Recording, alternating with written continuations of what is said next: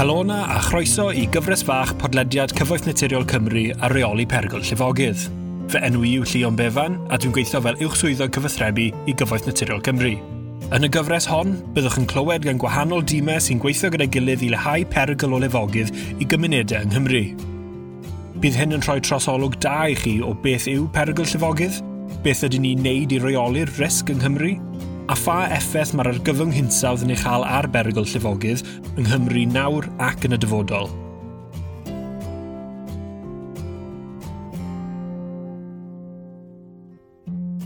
Helo a chroeso i benod 8 o'r gyfres fach ar reoli perygl llifogydd gan Cyfoeth Naturiol Cymru.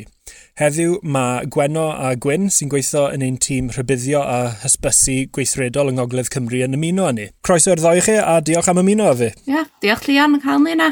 Um, a i ddechrau da, beth ni'n licio wneud yw gofyn ychydig amdano chi eich hunain. Felly, uh, beth sydd wedi dod â chi i'r rôl ma a gweithio i gyfoeth naturiol Cymru?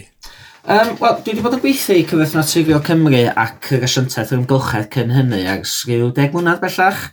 Uh, gwnes i fy ngradd uh, isgrifedig uh, mewn Mondeiryddedd Ffisegol uh, ym Mhrifysgol Bangor. A fel rhan o uh, blwyddyn gyntaf o'r cwrs yna, o rhaid i mi wneud uh, lleoliad proffesiynol am bedwar wythnos. Um, nes i hyn gyda'r asiantaeth ymgylchedd Cymru a be sy'n dreulio rhyw bedwar wythnos yn gwneud gwaith pysgota trydan uh, mewn uh, ymchwilio poblogaethau o eogiaid a bwythyllod. Yn dilyn hynny wedyn, uh, ro'n i'n ffodus iawn i gael contract a an anhalu dros yr haf uh, canlynol i wneud rhagor o waith pysgota trydan, ond o'n i hefyd yn gwneud gwaith uh, sampli ansawdd dŵr afonydd a dŵr ymdrochi, uh, bathing waters. Uh, nes i hyn wedyn am, am sawl blwyddyn, a, a wedyn nes i gyfle i muno a tîm rheoli digwyddiadau llifogydd. A yn fanna, uh, mi ro'n i'n swyddog ymwybyddiaeth llifogydd Cymru. So oedd y gol yma yn wneud yn bennaf gyda uh, cnoci drysa, uh, uh, heina mewn perygl y llifogydd, a, a tri o gael nhw i gyfrestru un gwasanaeth rhybuddion llifogydd ni. Um, wrth i amser fynd yn ei flaen wedyn, uh, dwi wedi datblygu fy sgiliau a'n gwybodaeth o fewn y tîm a rwy'n bellach yn uh, gyfrifol am ein swyddogion ar ddyletswydd a, ac ein, uh, ein, gweith, ein gweithgrafniadau ymateb gweithredol um, yn ogledd o'r llewn Cymru gan fwyaf a, a hefyd yn, yn ymwneud gyda gwaith hyfforddi ein, uh, ein swyddogion hefyd. Um, ychydig flynydd yn ôl, wnaeth o'n uh, wahanu o ddiwrth asiantaeth ymgylchedd a mi ddeithon ni yn cyfoeth naturiol Cymru. Ar ôl hynny gafodd y tîm ei lenwi i fod yn chybuddio a hysbysu. Diolch, a Gwenno, beth yw, beth yw dy gefndir di?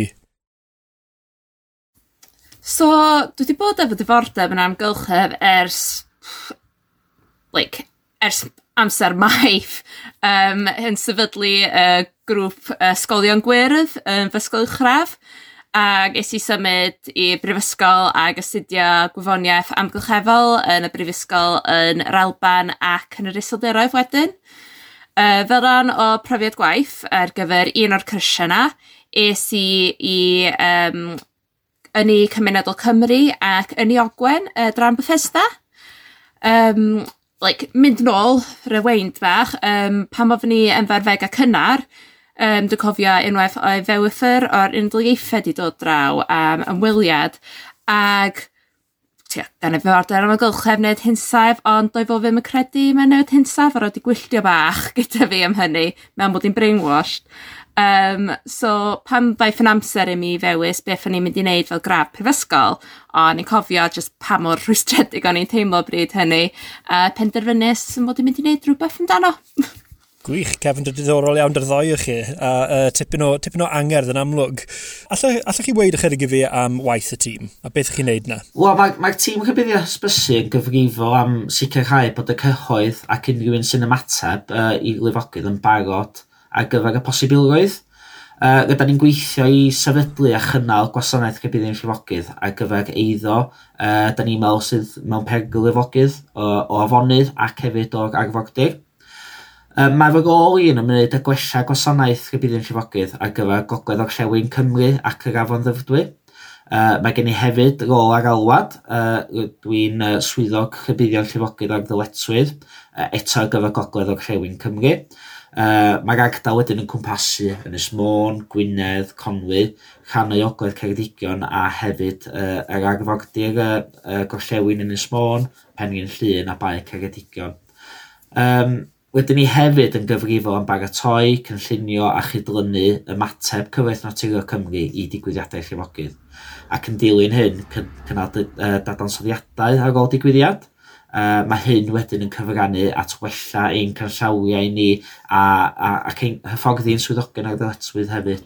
So, mae'n rôl i yn ymwneud â dylia a'r system rybuddio llifogydd a gwneud yn siŵr mae pobl sydd wedi cyfrestru i dderbyn y rhybuddion yma um, yn derbyn nhw, mae'r rhai cymunedau sy'n ogol a Chynolbodd Cymru wedi datblygu cynlluniau llefogydd cymunedol sy'n helpu gwneud yn fwy parod ar gyfer llefogydd uh, cynyddu gwydnwch fel mai.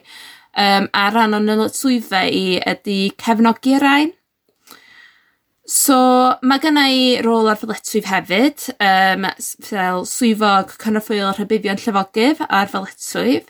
Um, a mae'r rôl yma wir yn golygu cyhoeddi negeseuon um, wedi cynhyrchu gan swyddogion rhybuddio llyfogydd uh, fel Gwyn, be mae o'n gwneud, ac yna danfon nhw allan trwy'r system rhybuddio llyfogydd i bawb sydd eu hangen nhw.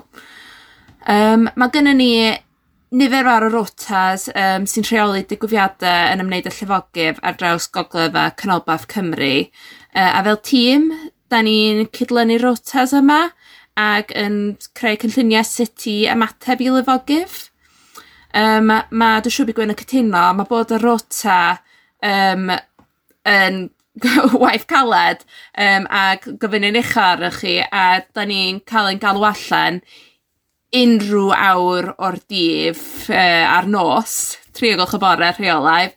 Uh, yn bersonol, dwi'n eitha siŵr bod y tywydd yn gweithiogi pryd bynnag dwi ar ddyletswydd, ond, you know, dyna fo, dyna fo, dim praf eto. Dyna beth dwi'n meddwl. Fi'n siŵr mae dim ti'r unig berson sy'n sy meddwl ni. o bosib, ie. Yeah. So, allech chi weid ychydig i fi am beth mae fe fel i fod ar ddyletswydd? Pa fath o dasgiau byddech chi'n cael eich gofyn i wneud tra bo chi mas, falle am drio'r gloch yn y bore fel oedd Gwenno wedi dweud? Wel, da ni ag ddyletswydd am, am saith diwrnod am, am wsos gyfa, so mae'n mynd dod o dydd mechag i dydd mechag, ac uh, yn yr amser yna, da ni yn paratoi uh, wrth uh, edrych ar y tywydd, edrych ar ein modelau ac yn y blaen, i, i benderfynu os oes yna bosibilrwydd o angen gyhoeddi bethau. Um, yn sgil hynny wedyn, da ni'n ni, ni ymwybodol ella pryd fedyn ni gael galwada. Ond da ni ddim rili wneud yn byd tam mae galwada yna'n dod drwad. Uh, gyda'n gol i, mae hynna'n golygu derbyn uh, galwada gan, um, gan y systemau uh, o ran larymau afonydd ac yn y blaen, neu gan uh, swyddogion eraill i ddeud fod y modelau yn, yn, yn ymddangos um, um, bod yna, bod yna lefelau uchel yn, yn, yn, yn, dangos. Felly o hynny wedyn, mae gen i ddipyn o waith i penderfynu gyhoeddi negeseuon neu beidio. Uh, a pan dwi wedi wneud y penderfynu yna wedyn, dwi'n dwi cysylltu gyda Cwyn Fel Gwenno, um, i, ac mwyn gyhoeddi negeseuon yna ag y system. Iawn, so unwaith dwi'n cael yr alwad ffôn gyn Gwyn, um, tri o gloch y bore, um, neu pa bynnag amser ydi o, mae Gwyn yn danfon e-bost atau sydd yn cynnwys um, wybodaeth ynglyn â yr rhybydd llyfogydd sydd angen cael ei fanfan allan. Uh, a mae hyn efo um, wybodaeth ddiw Cymraeg a Saesneg, yn ogystal â chydig o bethau technegol dwi'n dynyddio ar gyfer rhoi mewn i'r system i gael yr rybydd cywir i fafon allan i bobl, gwybod pwy di fod hafon allan i. Um, oherwydd fe bod yn dri o gylch y bore ac mae Gwyn wedi blino, um, dwi yn edrych dros yr Gymraeg a'r Saesneg i wneud yn siŵr bod Gwyn wedi cynnwys yr holl wybodaeth gywir i mewn. Ac os oes yna gamgymeriad, byn ni'n dod nôl gwyn, gofyn checio os di popeth yn iawn. Os ddim, dwi yn ei fanfon o drwy'r system, yna dwi yn gwneud chydig o checks i wneud yn siŵr bod pob man sydd fod derbyn y system yma, yr, uh, y neges yma gan y system wedi derbyn, felly dwi yn derbyn galwad ffôn gan y system, os dwi'n mynd erbyn o, mae yna broblem dwi'n angen checio, dwi'n derbyn e-bost um, gyda'r wybodaeth yma, dwi angen edrych ar ein gwefan i wneud yn siŵr ei fod o ymlaen ar ein gwefan yn gywir yn Gymraeg ac yn Saesneg. Um, ac ar ôl hynny, dwi angen cofnodi hyn um, ar ein bas data'n hunain i feid beth sydd wedi gyhoeddi ac faint o'r gloch, a mae hyn yn ddefnyddiol ar ein cyfer ni ar ôl llefogydd i ni weld cofnod o beth oedd wedi gyhoeddi pryd. Gwych, diolch. Gan amlach, um, uh, fel ag gyfag dim ond amball i neges uh, sefogydd byddwch yn barod fod alert sydd yn gael danfon. Um, felly, efallai un galwad yn ystod nos neu ystod y dydd, wrth gwrs, um, a dyna ni, a, a, a dim byd mwy, diolch byth. Ond, ar amball uh, adega, mae pethau'n gallu gweithygu hefyd. Da ni yn gallu mynd i gyhoeddi fwy yn y gysion. Um, o ran lefel uwch a yniferoedd hefyd o fewn yr ardal um, rydw i yn, yn cwmpasu ac hefyd y, y swyddogion eraill yn, yn gogledd uh, a chanolbarth Cymru wrth gwrs. A uh, sut ydych chi'n rhybuddio ac yn hysbysu'r cyhoedd am lifogydd posibl? Um, Wel, da ni'n rhybuddio a hysbysu'r cyhoedd am llyfogydd um, trwy'r system rhybuddio llyfogydd, yr un o'n i siarad am y blaen a cronfa fata enfawr i hyn yn llawn o gyfeiriadau a mapiau'r buddion llyfogydd sy'n dangos o'r holl lifo yn ei ardal ni sydd mewn perygl o lyfogydd. Um, da ni'n danfon negeseuon trwy'r system rhybuddio llyfogydd yma i fweud wrth y cyhoedd bod llyfogydd yn bosibl neu'n ddisgwyliedig. Um, gall y neges yma sy'n cael ei fanfod allan fod ar ffurf neges uh, galwad ffôn, uh, neu neges destun, neu e-bost, neu y tri ohonyn nhw. Um, just dibynnu ar be mae'r cwsmer wedi dewis sydd yn gyfleus ar y cyfer nhw. Mae gynnu ni dair lefel o rhybuddion, da ni'n danfon allan i'r cyhoedd, efo'r lefel isaf yn bod yn lifogydd, byddwch yn barod, sy'n golygu bod llifogydd yn bosib ac i fod yn barod. Da ni gyffredinod cyhoeddi'r negeseuon yma um, pan da ni'n credu bod llyfogydd yn mynd i fod ar dir amaethyddol isel a ffurf, um, neu jyst chydig bach o overtopping ar y môr, ond da ni'n mynd i sgwyl uh, llyfogydd mewn eifo. Um, y lefel nesaf i fyny ydy uh, rhybydd llyfogydd. A mae hyn yn golygu bod disgwyl i lyfogydd iawn digwydd um, a bod angen i bobl sy'n derbyn y neges yma weithredu ar unwaith. Da ni'n cyhoeddi rhybufion llyfogydd pam da ni'n meddwl bod llyfogydd yn debygol o fynd i mewn i eifo. Ac yna yr lefel uchaf o rybydd da ni'n danfon allan, yr un wedi difrifol, ydy y rybydd llyfogydd difrifol, y severe flood warning, A mae hwn yn golygu bod llifogydd difrifol bod perygl i fywyd. Uh, mae digwyddiadau lle da ni'n danfon hyn allan yn um, bryn dros ben, ond maen nhw yn gallu digwydd. Uh, mae rhai pobl dod ato ni gofrestru y manylion er mwyn cael y rhybuddion hyn, ond mae pobl eraill hefyd yn cael ei gofrestru'n automatig uh, gan ei darparwyr ffôn. Um, y pobl hyn, dydyn ni ddim yn cael gweld i manylion cyswllt nhw, uh, ond byddan nhw'n dal i derbyn y neges uh, pryd bynnag y bydd y heiddo mewn perygl. Uh, mae gwybodaeth am negesuon y gyhoeddig a gael ein gwefan, a gallwch glywed y wybodaeth ag y ffôn hefyd drwy ffonio gliniau chybuddion llifogydd, ffydlaen. Uh, mae tua 40,000 o eiddo wedi leoli mewn ardaloedd chybuddion llifogydd yng Ngogledd a Chanolbarth Cymru, ac mae manylion tua 3 chwarter o'r rhain wedi cyfrestru ar ein system chybuddion llifogydd, ond wrth gwrs hoffwn ni dderbyn mwy o bobl i, i, i gael y gwasanaeth yna. Ie, yeah, felly mae'n ma, ma, bwysig iawn nag yw e, os, os yw rhywun yn meddwl i bod nhw mewn uh, ardal sydd uh, mewn perygl o lefogydd, uh, mae'n bwysig bod nhw yn uh, sein o lan am y, am y gwasanaeth yma, achos allai ddod fod yn, uh, well, yn bwysig iawn i'w eiddo, ond hefyd i'w teuluodd a'i hunain wrth gwrs. Yndi, a mae gwasanaeth rhad ac am ddim hefyd. Am ddim, ie, yeah, wrth gwrs, wrth gwrs, felly uh, na, dim reswm i beidio mewn gwirionedd. A beth all pobl wneud i sicrhau bod nhw'n barod am mynd drwy lefogydd? Wel, fel da ni wedi bod yn sôn, un o'r pethau cyntaf a dos y pobl wneud os ydyn nhw'n byw mewn ardal sy'n diefol gael llifogydd yw um, cofrestru i ferbyn yr hybufion llifogydd yma. Um, da chi'n gallu gwneud hynny um, mewn nifer o ffurf, gallu fod trwy ein gwefan ni.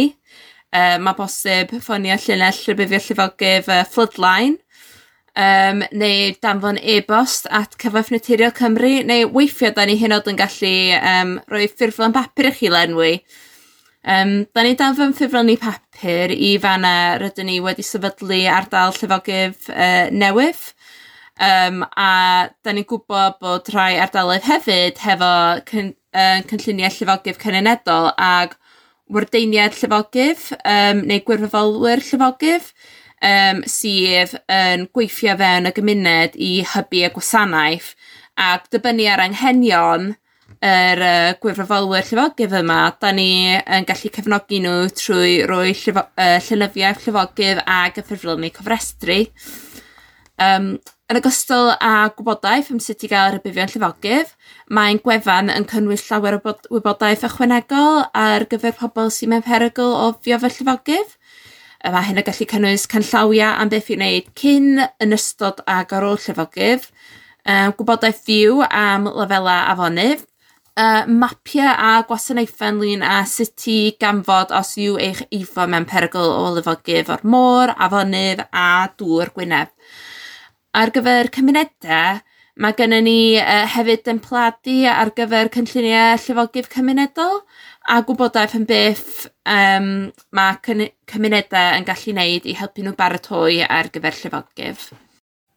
Mae'n uh, mae bwysig i wneud yn siŵr uh, eich bod wedi cynllunio beth i'w wneud mewn o gyfwng hefyd. Uh, byddai cynllun llifogydd yn cymryd peth o'r pwysau o ddiagno chi, eich teulu ac y gymuned yn ystod cyfnod sydd eisoes yn llawn straen.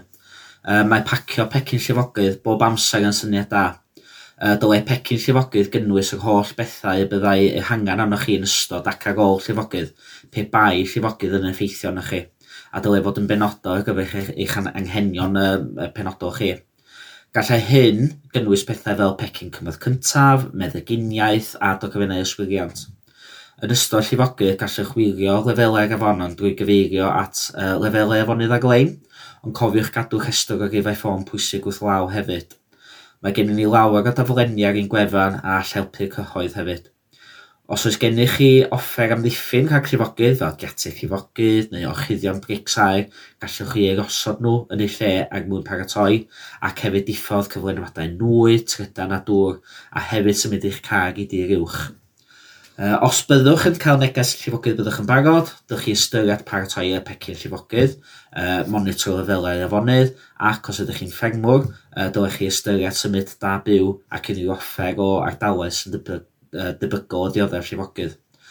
Mae cybyll llifogydd wedyn yn cyfeirio at y llifogydd posibl mewn eiddo mewn tai, felly mae'n syniad da paratoi drwy symud eich teulu, anifeiliaid anwes a phethau gwerthfawr i fan diogel diffodd y cofynwadau mwy trydan a dŵr a hefyd gosod y goffer amddiffyn rhag llifogydd yn ei lle. Wedyn, os caiff chybu llifogydd difrifol i anfon, dylech chi aros mewn mam diogel sydd y ffordd o ddianc, bod yn barod i adau'ch cartref a chydweithio gwasanaethau bris. A sut ych chi'n ymateb wedyn ac yn helpu pobl pryd mae llifogydd yn digwydd ac yn effeithio arnyn nhw? Wel, gallu fogydd achos i straen a fod yn frawchus iawn, yn enwedig os nad yw pobl yn barod neu heb gofresti i dderbyn rhybuddion. Pan fydd llifogydd yn digwydd, mae gen i'n sawl uh, swyddog ar ddyletswydd a fydd yn ymateb gan dibynnu ar ei, ar ei gol specific nhw. Bydd y swyddog rhybuddion llifogydd yn cyhoeddi'r negeseuon llifogydd byddwch yn barod, rhybuddio'r llifogydd ac y rhybuddio'r llifogydd difrifol, ac yn anfon y rhain at y swyddog cynorthwyol rhybuddio'r llifogydd i fawn bynnag manylu yn eich system hybuddion llifogydd. Byddwn nhw hefyd yn trosglwyddo gwybodaeth hon i'r swyddog digwyddiadau llifogydd a'r ddyletswydd ag swyddog cynorthwyol digwyddiadau llifogydd. Mae'r swyddog digwyddiadau llifogydd yn delio â digwyddiadau mae aelodau cyhoedd yn cael gwybod amdanynt, gan gynnwys eich coed sydd wedi cwympo all fod yn cwistro afonydd, ac yn cyfathrebu gyda wardeiniau llifogydd neu wirfoddolwyr llifogydd drwy cynlluniau llifogydd cymunedol. Mewn rhai ardaloedd mae'r swyddog cynorthwyol digwyddiadau uh, ar ddyletswydd wedyn yn trefnu ymateb gweithredol um, sydd wedi cael penodi efo ein llaw. Mae hyn fel arfer er mwyn rheoli ein asedau uh, sydd yn dod o dan ein cynllun gwaith ni.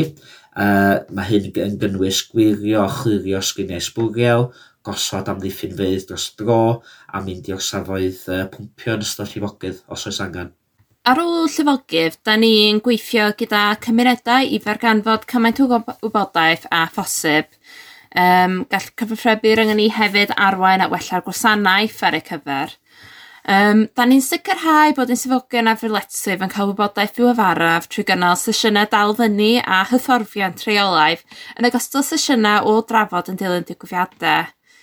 Drwy gynnal dadansoddiad ar sefyllfa ar ôl digwyddiad, gallwn ni gadw cofnod o newidiadau angenrheidiol sy'n ymwneud â'r tîm ni a ffimau eraill drwy gynnyrch, uh, gynhyrchu cynlluniau gwaith rydyn ni yn uh, diweferu yn rheolau fel y gallwn ni, mae hyn yn ein galluogi ni i farparu gwasanaethau gorau posib. Yn syth ar ôl i ni orffen ymateb i fygwyfiad llifogydd posibl, Os ydyn ni'n ymwybodol o gynllun uh, llyfogydd cymunedol mewn cymuned sydd wedi dioddef llyfogydd a di pob cymuned uh, heb gynllun ei hun, um, byddwn ni'n ceisio cysylltu ag arweinwyr y uh, cynllun yma er mwyn cael syniad o ba mor ddrwg oedd y difrod. Uh, gallwn ni gyfeirio bobl sydd wedi dioddef llifogydd at adnoddau defnyddiol eraill a lle helpu nhw ddelio a ôl effeithio difrod yn sgil llifogydd. Dros yr hir dymor, Uh, gallwn ni drefnu sesiynau galw heibio neu cylchlythyrau ar gyfer cymunedau yr effeithio'r arnynt fwyaf a chasglu gwybodaeth gan um, wahanol dimau o fewn cyfaith Natur o Cymru a'i rhannu nhw gyda'r cyhoedd oherwydd yn amlwg mae pawb eisiau gwybod beth da ni'n gwneud uh, yn dilyn llyfogydd a cweit reit. Um, Bydd Cyfoeth Ffritero Cymru hefyd yn cynnal ymchwiliad i'r llyfogydd os ydyn ni o'r farn bod hynny'n briodol a byddwn yn llunio argymellion o bethau mae modd ei gwella ar gyfer y dyfodol. Mi fynd tîm ni yn cydlynu'r argymhellion hyn i wneud yn siŵr eu bod nhw'n cael eu gweithredu.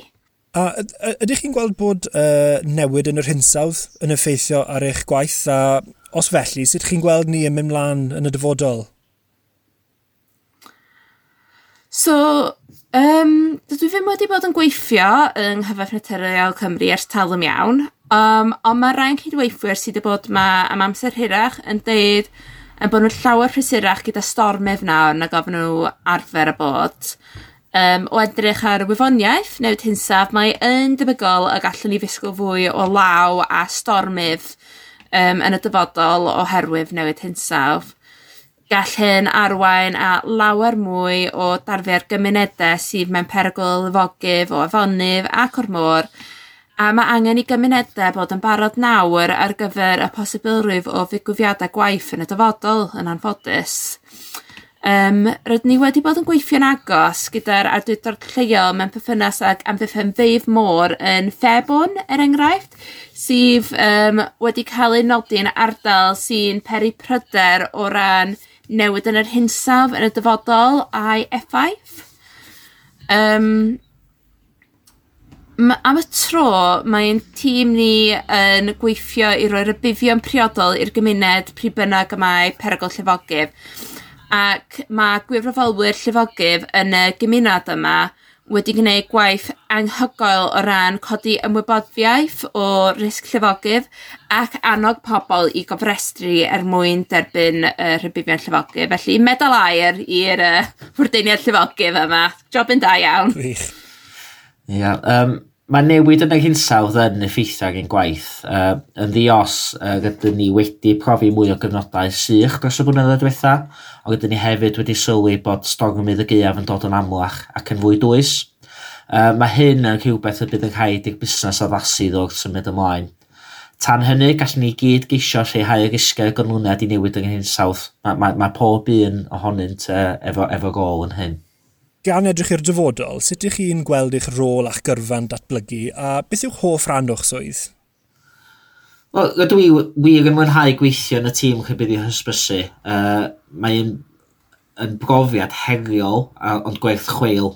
Uh, mae llawer o'n gwaith yn ymwneud â datrys problemau um, a defnyddio tystiolaeth i gefnogi'n prosesau o wneud penderfyniadau. Dwi'n gwybod bod hwnna'n rhan bwysig um, um, a, a, a gwaith dwi'n mwynhau. Uh, Um, Mae'n rhaid i ni weithio'n dda gyda tîmau eraill efo'n fawn cyfraith Naturiol Cymru hefyd, uh, ond hefyd gyda sefydliadau eraill fel awdurdodau lleol, uh, lle mae'n gwaith ni a gwaith nhw yn, yn, yn plethu fewn ei gilydd. Uh, felly fy nod i yw parhau i ddatblygu fewn y tîm a gwellau'n gwasanaeth gybyddin llifogydd presennol uh, a'i bydd ein cwsmeriad a'n cymunedau. So, dechreuais i weithio ar ddechrau'r pandemig, felly i fod yn gyfan gwbl onest, uh, dwi'n yn gwybod beth mae gwaith normal yn ei olygu. um, ond dwi'n cael yr argraff bod pethau wedi newid uh, cryn dipyn dros y blynyddoedd diwetha. Um, es i jyst bod i fwy flynedd heb siarad wyneb yn wyneb a phobl yn y gymunedau ro'n i'n cefnogi. Felly, ra fi wir yn braf cael gweld cydweithwyr o hanol dimau a frigolion o'r cymunedau yma um, o'r diwedd ar ôl yr holl amser. Uh, dwi ddim wir yn siŵr sut bydd y swydd yn efo'n dyfodol. Ar hyn y bryd mae llawer o ffocws ar fesuriadau reoli llifogydd mwy mefal fel gwydnwch cymunedol ac rheoli llifogydd yn naturiol. Ond dwi'n ymwybodol bod rai pobl a mynd i ganolbwyntio mwy ar y tebion caletach fel adeiladu mwy o amddiffynfeydd. Gan ddibynnu ar beth sy'n digwydd ar lefel llywodraeth ac os oes yna unrhyw argymellion gwahanol yn dilyn llifogydd yn y dyfodol, gall pethau newid cryn dipyn. Diolch Gwenno a Gwyn am rhoi'ch amser i siarad gyda fi heddi. Mae wedi bod yn diddorol iawn clywed am eich gwaith a'r gwaith pwysig i chi wneud i helpu cymunedau yng Nghymru er mwyn cael ni'n barod ar gyfer llifogydd pryd bynnag maen nhw'n digwydd. Um, Mae'ch gwaith chi'n bwysig iawn a fi'n siŵr bydd e ond yn dod yn bwysicach yn y dyfodol, felly diolch am siarad y fi. Diolch. Diolch fawr Lleon. Diolch yn fawr. Dwi'n gobeithio eich bod wedi mwynhau'r benod hon. Os oes gennych unrhyw sylwadau neu gwestiynau, gallwch gysylltu â ni ar Facebook, Twitter neu Instagram, neu drwy'r cyfeiriad e-bost sydd yn nodiadau'r sioe yma. Fe welwch hefyd ddolenni un tudalennau gwe a reoli pergyl llifogydd, lle gallwch weld rhai o'r pethau dyn ni wedi sôn am yma heddi. Diolch am rando.